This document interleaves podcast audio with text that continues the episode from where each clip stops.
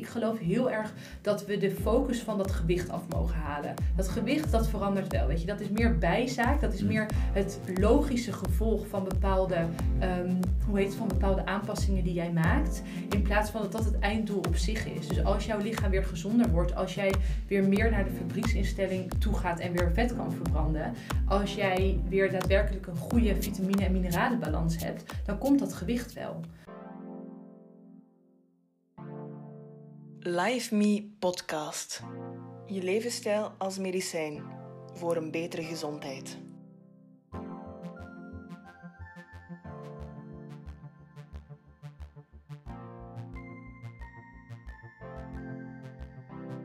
Welkom bij de Live Me Podcast.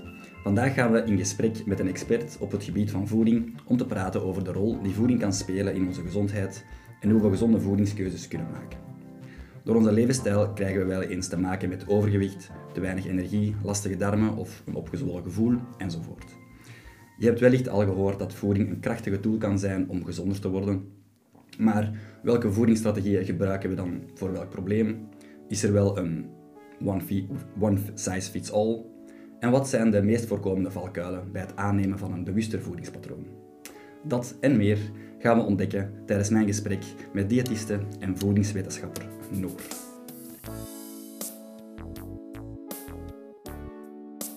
Welkom Noor. Dank je, leuk. Uh, stel jezelf even voor en dan kunnen we gelijk beginnen. Ja, zoals je al zei, ik ben Noor, diëtist, voedingswetenschapper en oprichter van leefstijlpraktijk de Nursing State.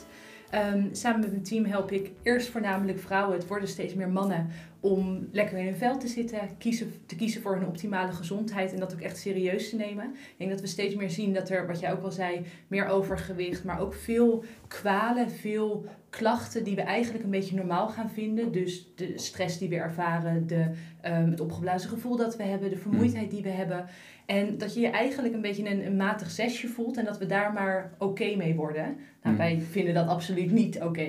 Ehm, en geloven dat, je, dat het belangrijk is om je echt een acht te voeden. En daar bewuste keuzes in te maken, zowel op het gebied van je voedingspatroon, maar ook op de rest van je leefstijl. Dus wat betreft stress, wat betreft ontspanning, beweging, slaap. Dus om echt op een holistische manier daaraan te werken. En bij jullie in de praktijk, want jullie werken met verschillende mhm. mensen, hè? als ik dan zou komen om te werken aan een probleem, Doe je dan ook, want dat zijn dan precies allemaal diëtisten, zijn jullie dan ook van ademhalingsoefeningen en bewegingen? Ja, of, ja, ja, ja, ja. kijk, want het een kan niet zonder het andere bestaan. Mm. En ik heb dat heel erg gezien in de praktijk. Dus ik ben zes jaar geleden afgestudeerd als diëtist, dus dat was behoorlijk regulier. Ik heb ook in een eerste lijns praktijk gewerkt, dus veel verwijzingen vanuit de huisarts, um, veel diabetes, veel mensen met hart- en vaatziekten. Maar wat ik eigenlijk merkte, is dat ik met mijn, ja, met mijn reguliere advies en zeker alleen met mijn voedingsadvies gewoon niet ver genoeg kwam. Dus wat wij nu heel erg doen in de praktijk, is dat we het veel breder trekken. En dat we dus ook kijken van oké, wat is iemands stresslevel? Zeker, wij werken vooral met uh, vrouwen van nou ja, 35 tot 60 jaar oud. Ja, over het algemeen een hoop ballen hoog te houden, een hoop stress. Dus dan kun je, je kan een hele hoop met voeding, maar je wilt ook kijken van oké, hoe, ja, hoe beweeg je verder door het leven heen? En om klein te beginnen, dus inderdaad te zeggen van joh, ga eens iedere avond 10 minuutjes op een spijkermat liggen. Ik ben echt fan, van de spijkermat. Ehm, weet je, dan hou je het klein en behapbaar, maar dan kun je ook wel snel merken van oké, wat zijn de positieve effecten die ik daaraan ervaar? En is de kans veel groter dat je dat gaat volhouden en een volgende stap gaat zetten. Hmm.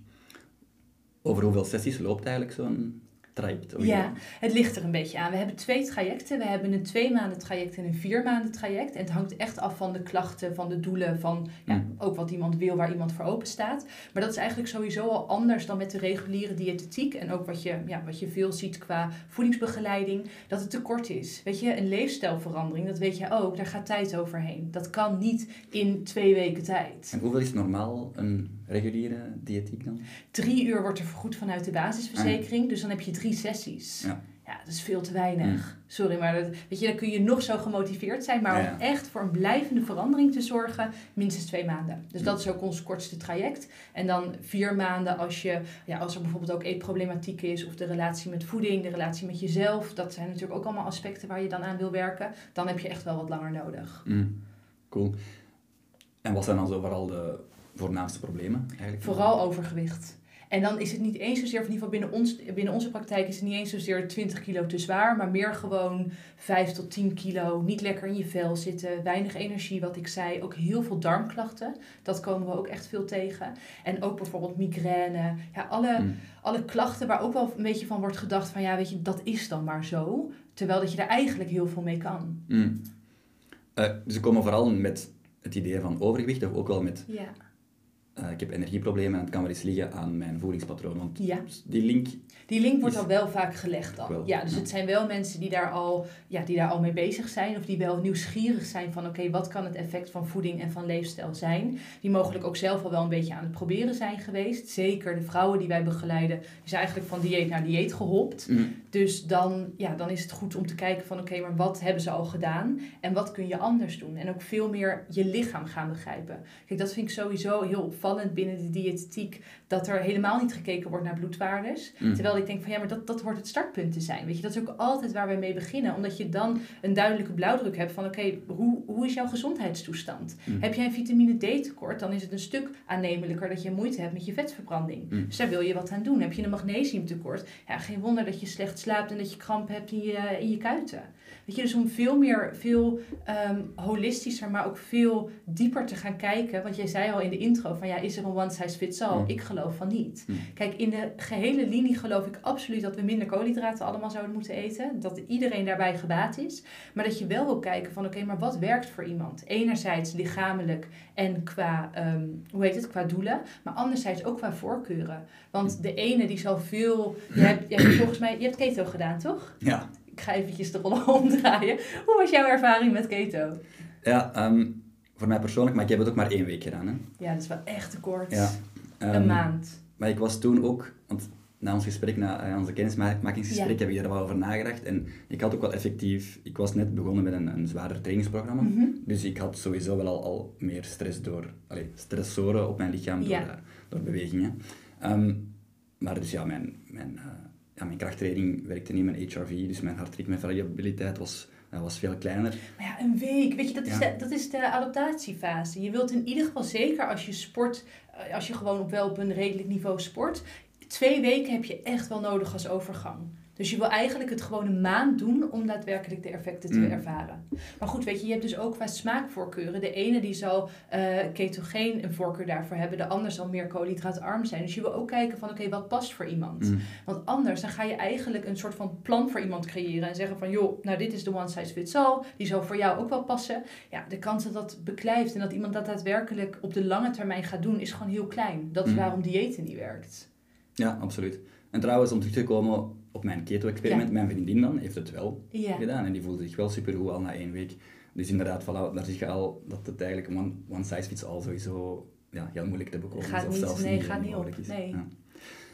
Ehm, geef eens een, ehm, een eh, snelcursus van twee maanden Ja. in, in een paar minuten over als ik naar u zou komen voor Ja. overgewicht. Ehm, je hebt de meeste vrouwen. Ja. Dus een vrouw komt naar u, van middel- middelbare leeftijd laten we zeggen.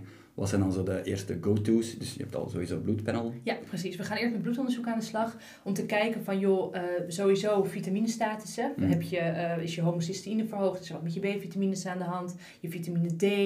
Ehm, dan kijken we natuurlijk ook naar klachten en symptomen. Want bijvoorbeeld magnesium, dat laten we dan niet prikken omdat het gewoon niet heel erg betrouwbaar is. Dus dan ga je veel meer op sym- symptomen af.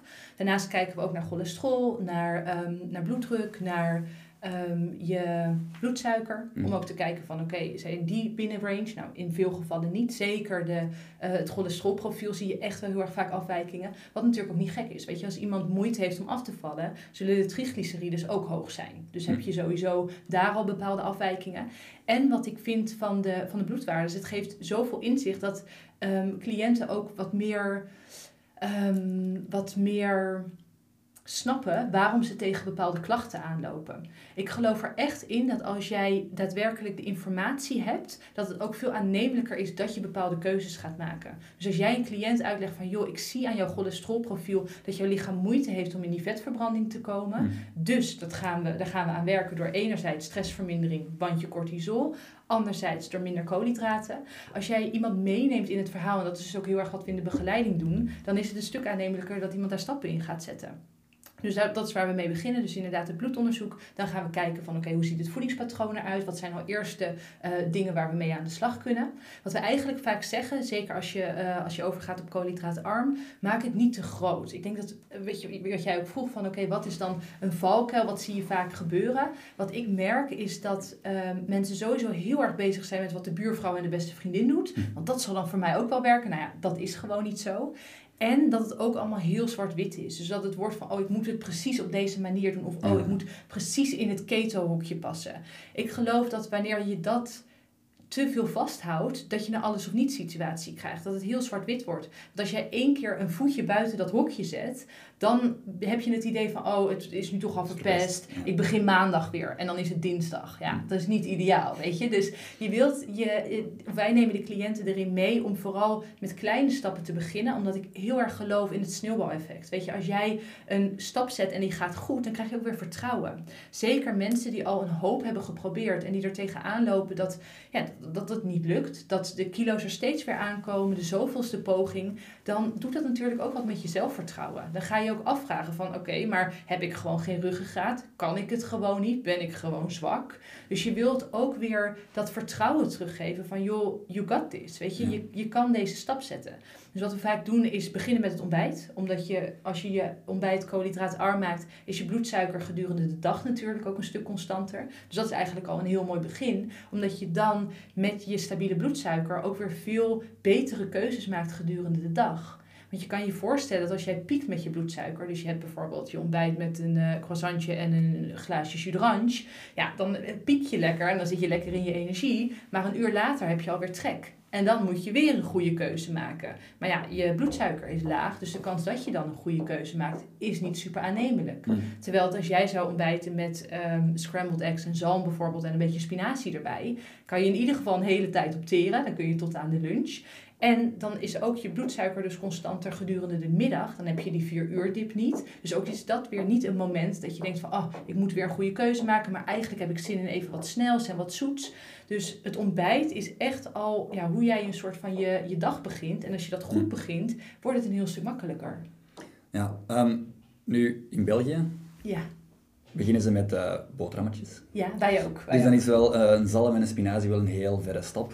Uh, om te beginnen, wat, waar raad je aan voor mensen die zo ja. nog een kleiner stapje dan echt het hele ontbijt omgooien? Van, ja, nou ja, kijk, je kan het ook zoet houden. Hè? Dus als je wel wat meer of wat, wat meer ontbijt gaat, dan zou je bijvoorbeeld Griekse yoghurt kunnen doen. Sowieso 10% vet, omdat je dat vet daadwerkelijk nodig hebt om je bloedsuiker constant te houden. Maar ook je vetoplosbare vitamines. Dus je hebt vitamine D, E, K en A. Die wil je binnenkrijgen. Die krijg je een stuk minder binnen als je magere kwark bijvoorbeeld neemt. En de verzadiging is veel minder. Mm. Dus kies altijd voor een volle kwark of een volle Griekse yoghurt. Of dat je bijvoorbeeld uh, kokosyoghurt neemt als lactose minder goed gaat. Wat we ook best wel vaak zien in de praktijk. Mm. En dan kun je er bijvoorbeeld een handje noten doorheen doen. Je kan, kan er een handje blauwe bessen doorheen doen of iets van bramen. Sowieso bessen zijn lager in koolhydraten, dus dat raden we aan om te doen. Dus de, het hoeft niet meteen eieren met spek te zijn. Kijk, dat is wat ik eet, maar dat hoeft niet iedereen te doen. Je kan ook dus bijvoorbeeld met yoghurt beginnen. Zou ik wel een gekookt eitje erbij doen, anders zit je best wel laag in je eiwitten. Mm. Want eigenlijk, dat is een, een volgende stap over de, uh, de stoomcursus in, van twee maanden in een half uurtje tijd, is om je maaltijd frequentie te gaan aan, te gaan passen. Dus wij zijn gewend om 6, 7, 8 keer per dag te eten. Dat deed ik ook voorheen, voordat ik zelf met koolhydraatarm begon. Ik at 8 keer op een dag. Ik had altijd trek en ik was altijd bezig met het volgende eetmoment. Ja, sinds ik koolhydraatarm eet, of eigenlijk ketogeen eet, heb ik drie hoofdmaaltijden op een dag. Mm. En eigenlijk gewoon geen tussendoortjes. Dus je wil ook zorgen, zeker om dus je bloedsuiker constant te houden, maar ook je lichaam voldoende tijd te geven om bezig te zijn met andere processen in plaats van alleen maar die vertering, wil je eigenlijk kijken van oké, hoe kan ik mijn maaltijdfrequentie naar beneden halen? En als jij dus een goed ontbijt hebt met voldoende vet, voldoende eiwitten, dan kun je makkelijk erop teren tot aan de lunch. Dus je ziet natuurlijk heel veel dan het, het eerste, de snelle jelle of een, een liga of whatever om 11 uur voorbij komen. Ja, dat is voor mij een indicatie dat jouw ontbijt niet volwaardig is. En het enige wat die liga doet is weer een piek in je bloedsuiker. En er weer voor zorgen dat je lichaam uit die vetverbranding komt. Ja. Gezond ontbijt. Maaltijdfrequentie minderen. Mm Oké, dan zitten we al halverwege de eerste maand of zo. Ja, dan zitten we wel op twee weken. Dit is wat we de eerste twee weken doen, ja. Ehm, dan gaan we kijken naar welke ingrediënten krijgt iemand binnen. Dus weet je, zeker als het veel bewerkte producten zijn, sowieso willen we de overstap maken naar zoveel mogelijk puur en echte voeding. Kijk, dat is ook een groot verschil. Want mensen, ik hoor dan ook wel mensen van, oh, maar ik eet al koolhydraatarm of ik heb het al geprobeerd en dat werkte niet. En dan ga je uitvragen van, ja, maar wat eet je eigenlijk? En dan zijn het allemaal vervangers en gekke reepjes en uh, koolhydraatarme pasta's waar heel veel gluten en andere ellende aan wordt toegevoegd. Ja, dat is voor mij niet koolhydraatarm. Koolhydraatarm is voor mij echte voeding op de goede manier gecombineerd om je bloedsuiker stabiel te houden. Herkenbaar uit de natuur. Precies, ja. Dus eigenlijk gewoon zonder ingrediëntenlijsten wat je oma herkende en de buitenste schappen van de supermarkt. Weet je, ja, want oprecht, in de, in de binnenkant ligt, ligt alle ellende. Dus als je aan de buitenkant blijft. Maar goed, weet je, er zijn ook natuurlijk producten die je wel eens vanuit gemak of nou ja, noem het, wel uit de, uit de binnenkant van de, van de supermarkt haalt. Dus dan is het belangrijk om te weten van waar let ik op. Weet je, wat zijn nou ingrediënten die ik liever vermijd? Dus waar wij ook veel uh, mee bezig zijn is de omega-3, omega-6 balans. Um, omega 3, omega 6, idealiter 1 op 1. Dus net zoveel omega 3 als omega 6. En het is niet zo dat er een boeman is. Weet je, ik denk dat dat heel snel gedacht wordt van, oh, omega 6 is de duivel en dat, dat kunnen we niet binnenkrijgen. Jawel, dat hebben we ook nodig. Maar wat je ziet is dat we veel meer omega 6, ongeveer 16 tot 23 keer zoveel omega 6 binnenkrijgen als omega 3. Mm. En dan gaat er een verschuiving plaatsvinden. Dan krijg je laaggradige ontstekingen. En dat kan weer het beginsel zijn van overgewicht, maar ook van darmklachten, ook van hoofdpijnklachten, van minder energie, maar ook van gewrichtsklachten. Dus ook die laaggradige ontstekingen, dat is enerzijds wil je daar aan de slag door je koolhydraten laag te houden en je bloedsuiker en ervoor te zorgen dat je lichaam weer over kan gaan op vetverbranding. Maar anderzijds wil je dus ook kijken van oké, hoe is die omega-3, omega-6 balans? En hoeveel omega-6 krijgt iemand binnen? Weet je, wat voor pesto haal jij? Zit daar zonnebloemolie in? Wat voor, um, nou ja, uh, bijvoorbeeld de barista havermelk zit ook zonnebloemolie in. Want dan krijgt het zo'n mooi laagje. Ja, ja, ja. Alle barista varianten sowieso niet doen. Zitten allemaal zonnebloemolie of raapzaadolie in.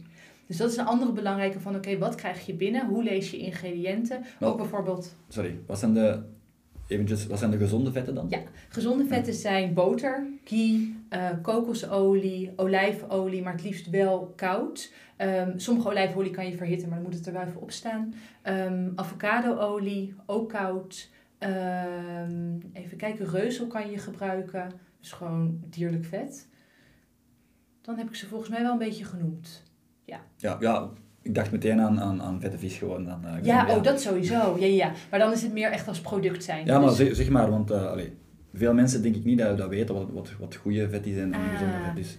Oké, okay. wat, eh, wat, kan, wat kan ik ja. ja, vette vis. Ja, want dan zit je natuurlijk ook sowieso aan je omega-3. Dus kijk, je wilt enerzijds je omega-6 verlagen. Dus dat zijn de bewerkte zaadolieën eigenlijk. Dus dan heb je um, zonnebloemolie, raapzaadolie, sojaolie, pindaolie. Nou ja, die hele mm. lijst. En dan daartegenover heb je de omega-3 oliën. Dus die zitten bijvoorbeeld in uh, vette vis. Dus die, dat wil je eigenlijk wel twee tot drie keer per week, maar misschien nog wel meer. Eventueel een supplement als het nodig is, als je echt een hoge ontstekingswaarde hebt. Mm. Uh, wat andere goede bronnen zijn van vet is bijvoorbeeld avocado, um, noten. Ik zou wel een beetje oppassen met amandelen bijvoorbeeld. Ik zie echt Zeker als mensen koolhydraatarm gaan eten, dan veranderen ze in een soort van amandel. Dan hebben ze opeens alles in amandelvorm. dan gaan ze bakken met amandelmeel. Dan gaan ze amandelpasta op hun koolhydraatarme brood smeren. Dan drinken ze amandelmelk. Kijk, amandel is best wel hoog in omega 6. Dus ik zou niet, als je af en toe een handje amandelen neemt, helemaal oké. Maar als je daar ook daadwerkelijk alle producten van gaat gebruiken, ja, dan ben je alsnog die ontstekingswaarde omhoog aan het jagen. Mm. Dus ik, mijn go-to is macadamia noten. Walnoten oh zijn ook oké. Ehm, dat zijn wel een beetje, nou ja, en, en gewoon vooral variëren. Zeker met no wat noten betreft. En niet te veel, omdat het ook gewoon weer darmklachten kan geven. Dus daar wil je ook wel een beetje mee uitkijken. Ja, ik pak eigenlijk altijd um, gemengde noten. Ja. En dan een, nog een potje gemengde zaden. Ja, dat is top. Dan, dan ja, hebben we wel genoeg diversiteit en ook vezels en uh, gezonde vetten. Ja, en vooral, kijk, je, je eet ze daadwerkelijk als product. In plaats van dat je ze gebruikt als een soort van spread of dat je ze mm. gebruikt als een meal. En dan krijg je gewoon snel te veel binnen. Dus daar wil je wel een beetje mee oppassen. Oké. Goeie tip. Volgende week. Ja, um, kijk, weet je, dan kom je ook uit bij het gedeelte van: oké, wat is er puur en alleen maar ehm, voeding? En wat is er alleen maar praktisch? En wat is alleen maar, uh, wat is daadwerkelijk de kennis die mogelijk ontbreekt en die je mensen wil bijbrengen. Maar je gaat natuurlijk ook naar verloop van tijd over op het stukje van mindset en welke keuzes wil je maken? Wat beïnvloedt jouw keuzes? Is dat bijvoorbeeld je familie? Is dat je, um, je, je omgeving, je werkomgeving? Maar dat kan ook zijn um, dat je dus inderdaad het idee hebt van... joh, ik kan dit niet. En als je dus een tegenslag krijgt, dat je, daar, dat je daarin gaat zitten. Dat, je, dat het niet lukt om het vol te houden. Dus daar wil je ook naar kijken van... oké, wat is jouw motivatie? Weet je, wat, ik zeg vaak, wat is jouw why achter je why? Want veel mensen zeggen, oh ja, maar ik wil afvallen. Maar waarom wil je afvallen? Want dat is voor iedereen anders. Weet je, is dat omdat jij gezond oud wil worden en achter de kleinkinderen aan wil kunnen rennen? Of is dat omdat jij nog een, een, sportprestatie wil leveren? Weet je, wat, wat maakt je doelen vooral zo tastbaar mogelijk? Omdat het dan ook veel makkelijker wordt om daar naartoe te leven. Dus enerzijds concrete doelen, anderzijds kleine doelen. Want het is, kijk, je kan heel makkelijk zeggen van, oh ja, ik wil 10 kilo afvallen. Ja, dat is leuk. Maar wat zijn de winst die jij de komende maand kan gaan behalen?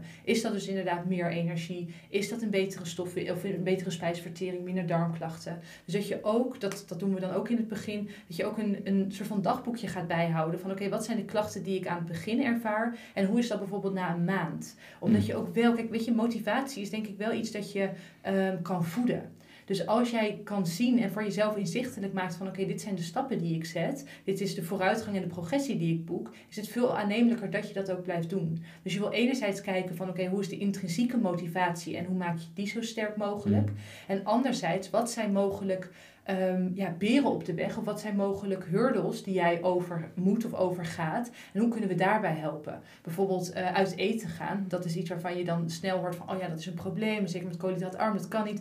Ja, ik vind dat wel echt het allermakkelijkste. Ik vind, uit, of ik vind bij vrienden eten die, het, die er geen rekening mee houden... of er geen rekening mee willen houden of, nou ja, of het niet weten. Dat vind ik lastiger dan wanneer ik uit eten ga. Omdat je dan gewoon de keuzes zelf hebt. En zeker als je naar een beetje een, ja, een, een Ehm, goed, of nou niet eens goed, maar als je gewoon een beetje naar een standaard restaurant gaat, mm. of zelfs, want ik krijg dan ook de vraag van ja, maar als ik naar een Italiaan ga, dan heb ik sowieso geen keuze. Ja, dat is echt onzin. Er staat altijd wel een vlees of een visgerecht. Je vraagt of je je uh, friet of je aardappel mag vervangen door een extra um, side groente, en mm. dan ben je er eigenlijk al.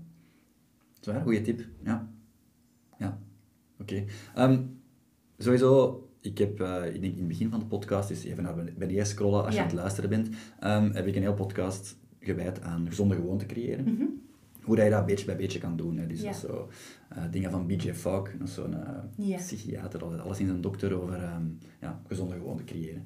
Um, dus zeker naar luisteren, maar wat zijn zo uw go-to's? Als je zegt van, want je hebt gezegd van ja, de valkuilen, de hurdles. Wat zijn dan de tips dat je in het begin kan aannemen sowieso en wat zijn de valkuilen die je vaak ziet? Ja, de mensen om je heen erbij betrekken. Ik denk hmm. zeker met een gezin dat het echt heel erg belangrijk is. Ook nou ja, de, de vrouwen die wij dan begeleiden, wij raden echt af om dubbele maaltijden te gaan koken. Omdat je dat, dat ga je niet volhouden op de lange termijn. Weet je, dan moet je echt, echt heel stevig in je schoenen staan en echt heel veel motivatie hebben om dat de rest van je leven te gaan doen. Dus wat we dan zeggen van weet je, koop een, een basis, bijvoorbeeld een pasta saus of een, uh, een een curry bijvoorbeeld. En dat je dan kijkt van oké, wat doe ik voor de rest van het gezin als die wel gewoon koolhydraten willen eten. Dus dan heb je voor hun bijvoorbeeld pasta of rijst. En dan kun je voor jezelf een koolhydraatarm alternatief doen. Dus heb je bijvoorbeeld een koolhydraatarme pasta. Wel erop letten dat het een goede is. Niet allemaal extra gluten die eraan worden mm. toegevoegd. Um, of dat je bijvoorbeeld iets van broccoli rijst erbij doet. Dus dat je wel, en ook gewoon voor de dynamiek in het gezin, weet je, zeker als je kinderen hebt, wil je ook niet al meegeven van, oh ja, mama eet wat anders of mama is op dieet. Weet je, dat voor je kinderen en zeker ook de, de relatie uh, met voeding die je kinderen gaan krijgen, is het echt heel erg belangrijk om daar wel gewoon een ja, een gemeenschappelijk iets van te maken. Dus om dan één gerecht te hebben met mogelijk wat verschillende componenten, dat is en veel beter voor je tijd, of in ieder geval veel, veel praktischer om te doen. En anderzijds zorgt het er ook voor dat jouw kinderen en nou ja, ook gewoon de, de, um, het delen van de maaltijd of het samen nuttigen van de maaltijd, dat het gewoon een stuk gezelliger en positiever is. Mm. Dus dat zou ik sowieso aanraden. Ehm, ook om te kijken van oké, wat zijn bijvoorbeeld uh, nou ja, vriendinnen of mensen anders in je omgeving, dat je wel een beetje een buddy hebt. Ik denk dat dat zeker als je geen begeleiding hebt, kijk als je begeleiding krijgt, dan kunnen wij je daar natuurlijk in meenemen. Maar als, het, als het niet zo is, dan is het wel heel fijn om ook een beetje tegen iemand te kunnen ventileren, ook je, je successen te kunnen delen, omdat ik denk dat we heel erg geneigd zijn sowieso in onze maatschappij, maar ook denk ik vrouwen, um, om altijd maar bezig te zijn met oké, wat is de volgende stap en waar moet ik heen en welke weg heb ik nog af te leggen. Mm. Terwijl dat je juist ook wil kijken van oké, maar welke stappen heb ik al gezet? En ik geloof dat als je een buddy hebt en dat samen doet, dan, dan vier je dat ook meer. Dan sta je er ook meer bij stil welke winst je al behaald hebt. En ik denk zeker voor het creëren van, van goede gewoontes of van nieuwe gewoontes, dat dat heel erg belangrijk is. En dus ook niet te veel in één keer willen. Want ik geloof echt dat als je op de lange termijn je, je leefstijl wil veranderen, dat het heel belangrijk is om het eerst klein en behapbaar te houden. In plaats van dat je je ergens weer opnieuw instort, je weer een failure voelt, want oh, het is weer niet gelukt. Weet je, dat werkt voor niemand. Daar, daar hou je uiteindelijk echt wel complex aan over. Dus om het kleiner te maken en om het uh, haalbaar te maken en jezelf dus weer dat vertrouwen te geven van joh, ik ben dit aan het doen, ik ben in beweging, ik ga door naar de volgende stap. Dat geeft gewoon heel veel empowerment en een, een, positieve, ja, een positieve vibe over het hele verhaal. Hmm. Uh, op het einde van, de, van die rit, of wanneer zou je nog eens een, een nieuwe bloedanalyse laten doen om te zien van, ah, deze stapjes die ik nu heb gezet. Of, allee, wanneer zou ik zeggen, oké, nu helpen de stapjes die ik nu zet? Is dat, want ja, ja. gewichtverlies is wel zou... heel snel misschien, na twee weken al te Ja, dat, dat is snel. Maar zeker bijvoorbeeld je energie kun je snel merken, je slaap kun je snel merken. Ook als jij bijvoorbeeld klachten hebt als hoofdpijn, droge ogen, spierkrampen, allemaal magnesium, kun je natuurlijk snel merken.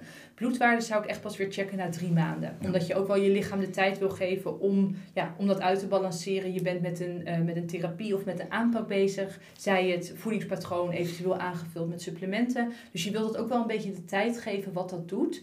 Um, maar dat, dat werkt super motiverend. Kijk, ik geloof heel erg dat we de focus van dat gewicht af mogen halen. Dat gewicht, dat verandert wel. Weet je, dat is meer bijzaak. Dat is mm. meer het logische gevolg van bepaalde, um, hoe heet het, van bepaalde aanpassingen die jij maakt. In plaats van dat dat het einddoel op zich is. Dus als jouw lichaam weer gezonder wordt, als jij weer meer naar de fabrieksinstelling toe gaat en weer vet kan verbranden. Als jij weer daadwerkelijk een goede vitamine- en mineralenbalans hebt, dan komt dat gewicht wel. Dus het is heel mooi om een cliënt daar dan in mee te nemen en te laten zien van joh, dit is wat je in drie maanden hebt bereikt. Je, je hebt gewoon nu echt een gezond, um, een, een, gezond bloedoverzicht. Weet je, je, hebt gewoon, je bent nu ook niet alleen aan de buitenkant gezond, maar ook intern. Mm. En om dat belangrijker te maken en dus ook de focus daarmee um, te verbreden eigenlijk. Ik geloof dat dat ook heel erg helpt bij het veranderen van je gewoontes. Omdat het niet zo gebaseerd is op één enkel getal wat ook nog eens fluctueert. Ja, ja want dat wil ik even nog eens benadrukken. En inderdaad, want veel mensen komen naar, naar hulp zoeken voor hun gewicht. Mhm. Maar eigenlijk is de focus op het gewicht is eigenlijk ja, een beetje... Dat, dat gaat sowieso komen wanneer je eigenlijk alle goede dingen gaat doen. Kan met voeding, kan met beweging, kan met uh, mindfulness strategieën, met mindfulness mhm. dingen, uh, met meditatie. Maar, en dan volgt het gewicht inderdaad. Precies, ja, het is het automatische gevolg. Kijk, als jij jouw optimale uh, gezondheid nastreeft, dan hoort daar een optimaal gewicht bij. Ik spreek ook niet dus over een, een streefgewicht of een ideaal gewicht. Ik geloof dat er een optimale leefstijl is en daar hoort een optimaal gewicht bij. En als jij zo optimaal mogelijk eet. Kijk, het hoeft niet perfect te zijn. En perfectie, dat hm. bestaat niet. En juist door perfectie na te streven, geloof ik dat je dus heel erg in dat zwart-witte raakt. En dat je uiteindelijk verder van huis bent. Ik geloof in uitzonderingen. Ik geloof van genieten van een patatje of een, of een taartje als je daar blij van wordt. Ik word daar blij van, dus ik doe dat zeker. Hm. Want dan behoud je ook die balans. Weet je, dat is ook over de. Dus wat doe je dan in het tweede deel? Ook vooral cliënten uitzonderingen laten maken. En kijken hoe ze daarmee omgaan. Weet je, als jij uitzonderingen gaat maken en je gaat je dat vervolgens een week kwalijk nemen en gaat daardoor alleen maar de andere kant op en, val, en springt of um, glijdt volledig uit de bocht, ja, dan ben je ver van huis. Maar als jij een uitzondering kan maken, daar echt van kan genieten en vervolgens gewoon weer je draad en je flow oppakt, dan is er niks aan de hand. En kijk, dat is ook denk ik het leven. Dat is denk ik ook het grote verschil tussen een onderzoekssetting en mensen die in real life, in hun echte leven, hun voedingspatroon aanpakken. Kijk, wij kunnen niet zeggen van, oh, we sluiten je op in een kamertje en je gaat nu een maand dit eten. Ja, misschien heb je dan, dan zul je bepaalde resultaten hebben. Mm. Maar niemand zit in een hokje een maand lang. Ja, dus je wil ook kijken van oké, als jij je leven leeft, als jij wel die vrijdagmiddagborrel hebt, als jij wel dat feestje hebt, als jij wel die verjaardag hebt, hoe ga je daarmee om? Weet je, wat voor keuzes wil jij daarin maken? Daar is ook geen goed of fout in. Sommige mensen die willen meer uitzonderingen maken dan anderen. Ik denk dat dat oké is, maar dan moet je wel kijken van oké, is dat onderaan de streep, geeft dat ook het resultaat wat ik wil bereiken? En hoe voel ik me daarbij? Weet je, dat is geloof ik ook echt het mooie van met je leefstijl en je voedingspatroon aan de slag gaan. Zeker als je koolhydraatarm gaat eten. Omdat je dan ook ervaart van, oh wow, ik voel me eigenlijk helemaal niet goed als ik zoveel koolhydraten eet. Hm. Als ik nu een uitzondering maak, kijk, ik vind het lekker op het moment. En als het één, als het een frietje is, dan voel ik me daarna echt niet vervelend. Maar als ik een dag koolhydraten eet, denk ik de volgende dag, oh, ik ben overreden door een bus. En nu weet ik weer wat me te doen staat. Mm. En pak ik de draad weer op. Dus het wordt ook makkelijker om daadwerkelijk je nieuwe gewoontes vol te houden. Als jij voelt van oké, maar als ik wel weer een beetje wegglijd, dan voel ik me niet zoals dat ik me zou willen voelen. Dus ik geloof echt dat de, ja, eigenlijk dat de moeilijkste stap is in beweging komen. Omdat je dan nog niet de, ehm, de meerwaarde of de voordelen ervaart van de stappen die je zet. Zodra je bezig bent, en dat, ik geloof echt dat dat na 1, 2 weken al wel kan, dan ervaar je wel wat het met je doet. Hm. Dan heb je al een beetje een sneak peek van wow, dit is het resultaat wat ik zou kunnen bereiken. Dus dan wordt het ook veel aannemelijker dat je het daadwerkelijk blijft volhouden. Ja. Ja, ik wil nog even dubbel klikken op het, Ja. op het feit van ehm, erbij stilstaan, want dat kan ook eigenlijk al na één maaltijd. hè, Inderdaad, van als ik nu dat frietje heb gegeten, Mhm. Eigenlijk daarna ja, ben ik eigenlijk... als ik voor mezelf spreek, Ja. bijvoorbeeld, ja, als ik, ik, ik hou van friet, ja, ik ben Belg. Ja. Ehm, dan de volgende dag heb ik eigenlijk al wat meer zo het gevoel dat ik zo precies wat stijver ben in opstand. eens. Ik, ik heb veel last van ontstekingen. Ehm, een ander ding dat ik ook vaak merk is, ik ben, omdat ik met, eh, met- veel met slaap werk, als ik, ehm, en het is ook zo in, in de literatuur zie je van als je laat eet, dat je slaap dan een beetje eh, gaat verminderd zijn. En ik voel dat ook zelf van, als ik nu gewoon echt een half uur voordat ik wil gaan slapen, Mhm. echt, echt zwaar eet, dan voel ik gewoon de volgende ochtend van oké, dit was geen goed idee. Ja. Of dit was wel een goed idee, want het was heel leuk met mijn vrienden om laat te gaan eten. Ja. En dan kan je zo eigenlijk gaan balanceren. Maar dan heb je dus inderdaad een afweging. Dus dan wil je enerzijds kijken, want dat was dus inderdaad wat ik zei over die, eh, die onderzoekssetting. Dat, dat is niet in het echte leven. Weet je, dus je wil ook kijken van oké, hoe past het in mijn leven en wat, waar hecht ik waarde aan? Kijk, voor de ene zal dat veel meer, zullen dat sociale aangelegenheden zijn waar wel een drankje bij hoort, of wel een, een frietje bij hoort, of nou ja, noem het, of een, of een uitgebreid diner. Dus je wil ook voor jezelf kijken van oké, waar hecht ik waarde aan? En is het dan dus inderdaad zodat ik de volgende dag klachten ervaar? De kans is groot, natuurlijk afhankelijk van hoe groot de uitzondering was die je hebt gemaakt. Hmm. Ik praat dus ook nooit over. Kijk, uitzonderingen is voor mij vrij neutraal. Ik vind uitzonderingen, daar is niet iets negatiefs over te zeggen. Maar als, als ik mensen hoor over cheaten, dan ik, dat is voor mij zo'n rode vlag. Want je, ja, want je geeft eigenlijk al aan van, joh, ik zou dit eigenlijk niet moeten doen. Dit zou niet mogen. Terwijl dat ik geloof dat je juist op het moment zelf ook wil... de- Kijk, als je het mag van jezelf, geniet je er ook van. Als jij iets aan het doen bent wat eigenlijk niet mag, ja, dan heb je de, half, dan heb je de helft minder lol eraan. Mm. Misschien, nou, misschien wel 75% misschien wel meer. Toch? Dan is het ook Ja. gewoon niet zo leuk meer. Dus je wil kijken van, oké, wat is voor mij een soort van de balans? Enerzijds tussen mijn sociale leven, tussen nou ja, mijn, mijn werk, wat, wat past er? En hoe kan ik er dus voor zorgen dat ik dat op zo'n manier doe, dat ik dat ook blijvend ga volhouden en op de lange termijn? Mm. Dat is mooi. Dat is leuk om te horen, want eigenlijk ben ik vooral bezig met de wetenschap daar rond. Ja, En niet per se hoe dat, dat in de dagdagelijkse praktijk Ja. zou... Maar we zitten een beetje op dezelfde golflengte. volgens mij wel. Ja. Ehm, Behalve je keto-avontuur, ik vind echt dat je het een maand moet doen. mm. En dan maar moet laten weten hoe en wat. Ja, ik zal Ja, een, nog je, hebt, je hebt een maand, ja. Ja, dat is leuk. Ja.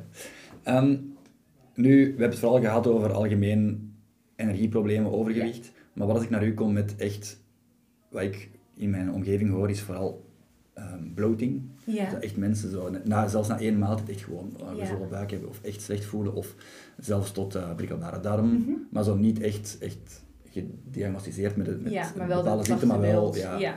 Ehm, verschilt daar dan iets van? Of gaan we nog altijd beginnen met die eerste twee weken het juist? Wat, wat Kijk, je wilt sowieso inzetten op koolhydraatarm.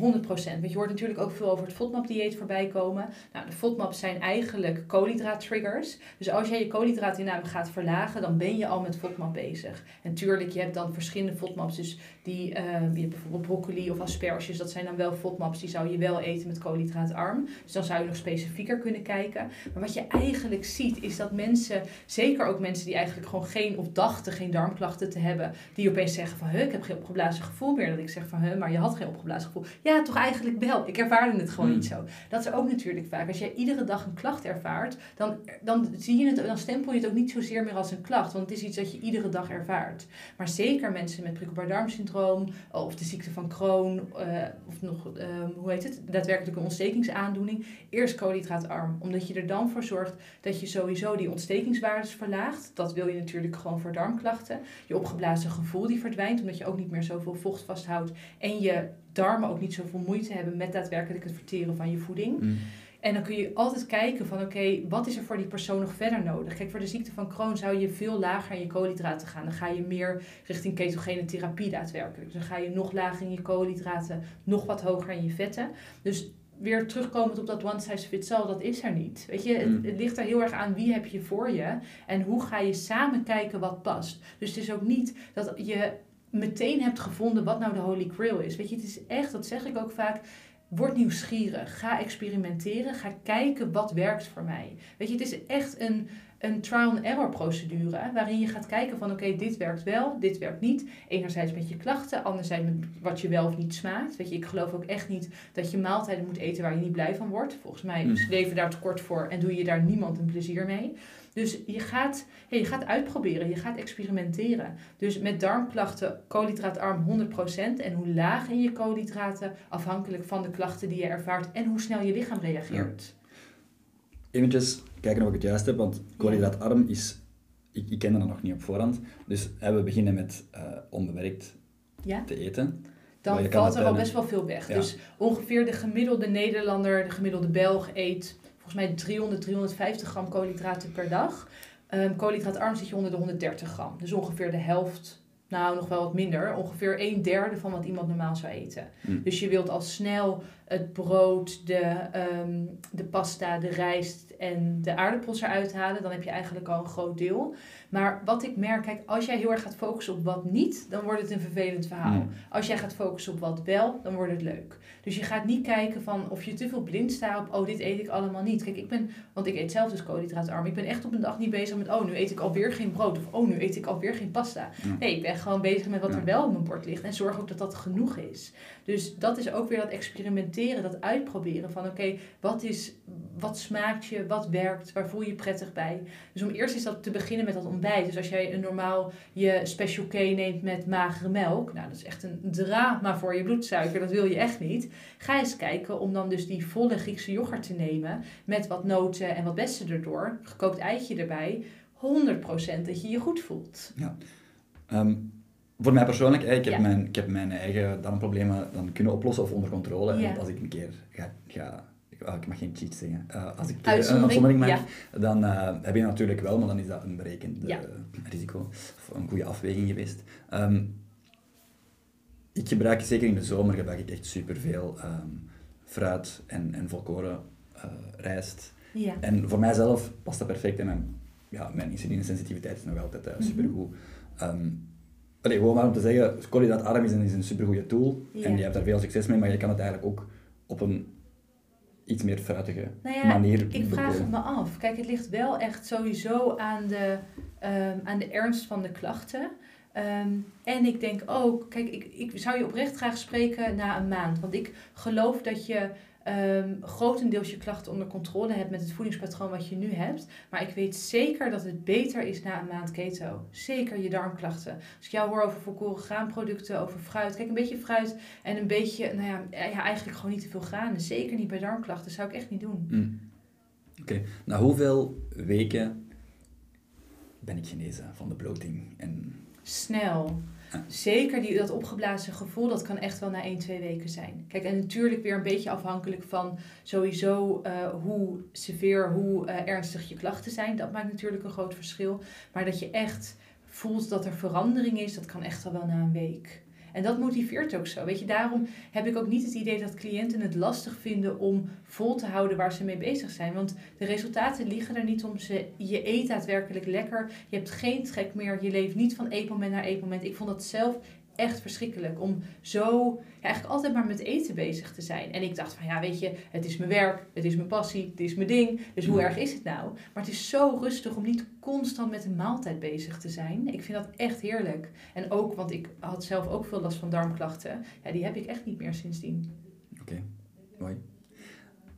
Wat met um, vegetariërs en vegan, hoe kan ik dat dan eigenlijk... Uh, ja Vegan en koolhydraatarm zou ik echt best wel afraden. Of in ieder geval, kijk, ik, ik sta daar zelf.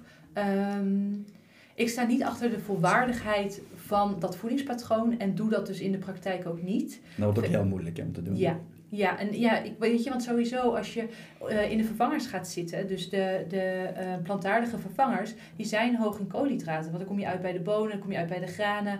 Ja, dan, ja, goed, daar heb ik best wel een, een sterke mening over. Ja. ja. ik zou dat echt niet doen. Um, maar vegetarisch en koolhydraatarm kan sowieso wel. Daar zijn echt wel. Wij hebben ook een, uh, een diëtist die daarin gespecialiseerd is. Zij is zelf vegetarisch, eet koolhydraatarm. Dus geeft ook dat advies samen. Dat, dat kan zeker. Dat is echt wel te doen. Oké.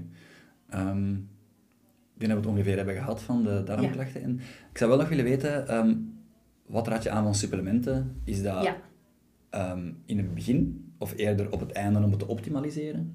Nee, dat is wat mij betreft wel meteen in het begin, omdat je dat wil afstemmen op het bloedonderzoek. Dus mm. als jij als uit een bloedonderzoek komt, maar ik vind het wel echt belangrijk om niet zomaar te gaan suppleren, want je weet helemaal niet wat je nodig hebt. Weer het verhaal one size does not fit all. Ik mm. ga vooral kijken hoe jouw voedings- of jouw gezondheidstoestand is en wat heb je nodig. Kijk, vitamine D in Nederland en België is eigenlijk bijna altijd wel nodig, maar zeker ook magnesium. En wat je veel mis ziet gaan, is dat mensen wel vitamine D suppleren, maar niet magnesium, waardoor het magnesiumtekort nog groter wordt en je die voorraden eigenlijk nog extra gaat uitputten. Ja, dan ben je een beetje water naar de zee aan het dragen. Dus ik zou altijd aanraden om een magnesium in combinatie met vitamine D te slikken. Bij de vitamine D is het belangrijk dat het D in combinatie met K is voor de opname. En dat het druppels zijn of een spray. Als ik mensen zie die een pilletje vitamine D nemen, dan denk ik ja, dan krijg je echt gewoon dure poep. Dat heeft gewoon niet heel erg veel zin. Weet je, mm. zorg wel dat de supplementen die je neemt ook daadwerkelijk goed opneembaar zijn. Ik zou niet per se naar de kruidvat gaan, maar wel naar een, ja, gewoon dat, weet je, zorg dat je, je supplementen die kosten wat meer als ze goed zijn, maar dan wordt, wordt ze ook daadwerkelijk opgenomen. Weet je, ook bijvoorbeeld met magnesium. Als jij een pil neemt van een, ja, van een, slecht, van een magnesiumoxide, gaat er niet zoveel gebeuren. Weet je, zorg er wel voor. En als je die kennis niet hebt, ga met iemand werken die daar wel verstand van heeft, mm. zodat je daadwerkelijk weet wat je doet. Dus magnesium is voor mij wel eigenlijk gewoon voor iedereen. Die zou ik sowieso aanraden. Collageen vind ik een mooie toevoeging. Um, collageen is sowieso voor de elasticiteit van je huid, dus anti-rimpel voor de vrouwen die luisteren, maar ook voor je darmgezondheid, um, ook voor, je, uh, voor gezonde gewrichten. Het is een eiwitbron, dus je kan hem ook weer toevoegen aan je Griekse yoghurt bijvoorbeeld. Dus dat zou ik ook doen. Um, even denken of ik nog een andere go-to heb. Nou, ik zou zeggen magnesium, collageen en vitamine D. Mm. Dat zijn wel, uh, denk ik, de belangrijke. Verder wil je echt kijken naar je bloedonderzoek.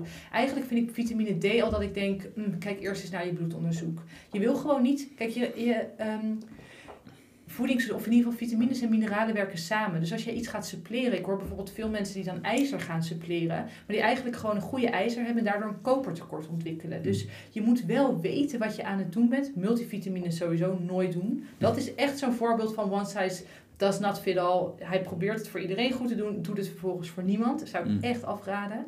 Dus ja, je wil weten van oké, wat heb ik daadwerkelijk nodig? Want anders ben je eigenlijk gewoon een beetje met hagel aan het schieten en niet daadwerkelijk aan targeten wat je graag wil targeten. Maar ik geloof absoluut in supplementen. En ja, eigenlijk omdat je zoveel afwijkingen en disbalansen ziet, raden wij onze cliënten altijd supplementen aan. Mm. Zeker voor de eerste drie maanden. Dan afhankelijk van, het, uh, van de update van het bloedonderzoek. Oh en dan kijken van joh, wat is er verder nodig. Mm. Ik heb net mijn bloedpanel laten nemen. Ja. En ja, dus ik zeg altijd in de maanden met een R moet je eigenlijk, kan je eigenlijk bijna ervan uitgaan, zeker bij in onze streken, dat je um, te weinig, met een vitamine D tekort hebt. Um, dus ik doe dat elke dag neem ik zes druppeltjes van mhm. een bepaald potje. En, um, Zit er K bij? Ja. top. En ik zat eigenlijk bijna aan het uh, te weinig. Dus zelfs Ja. bij mij... Ja. Dus ja, Maar slik je ook magnesium? ja. Hmm. Eh, het- niet altijd, maar inderdaad Ja.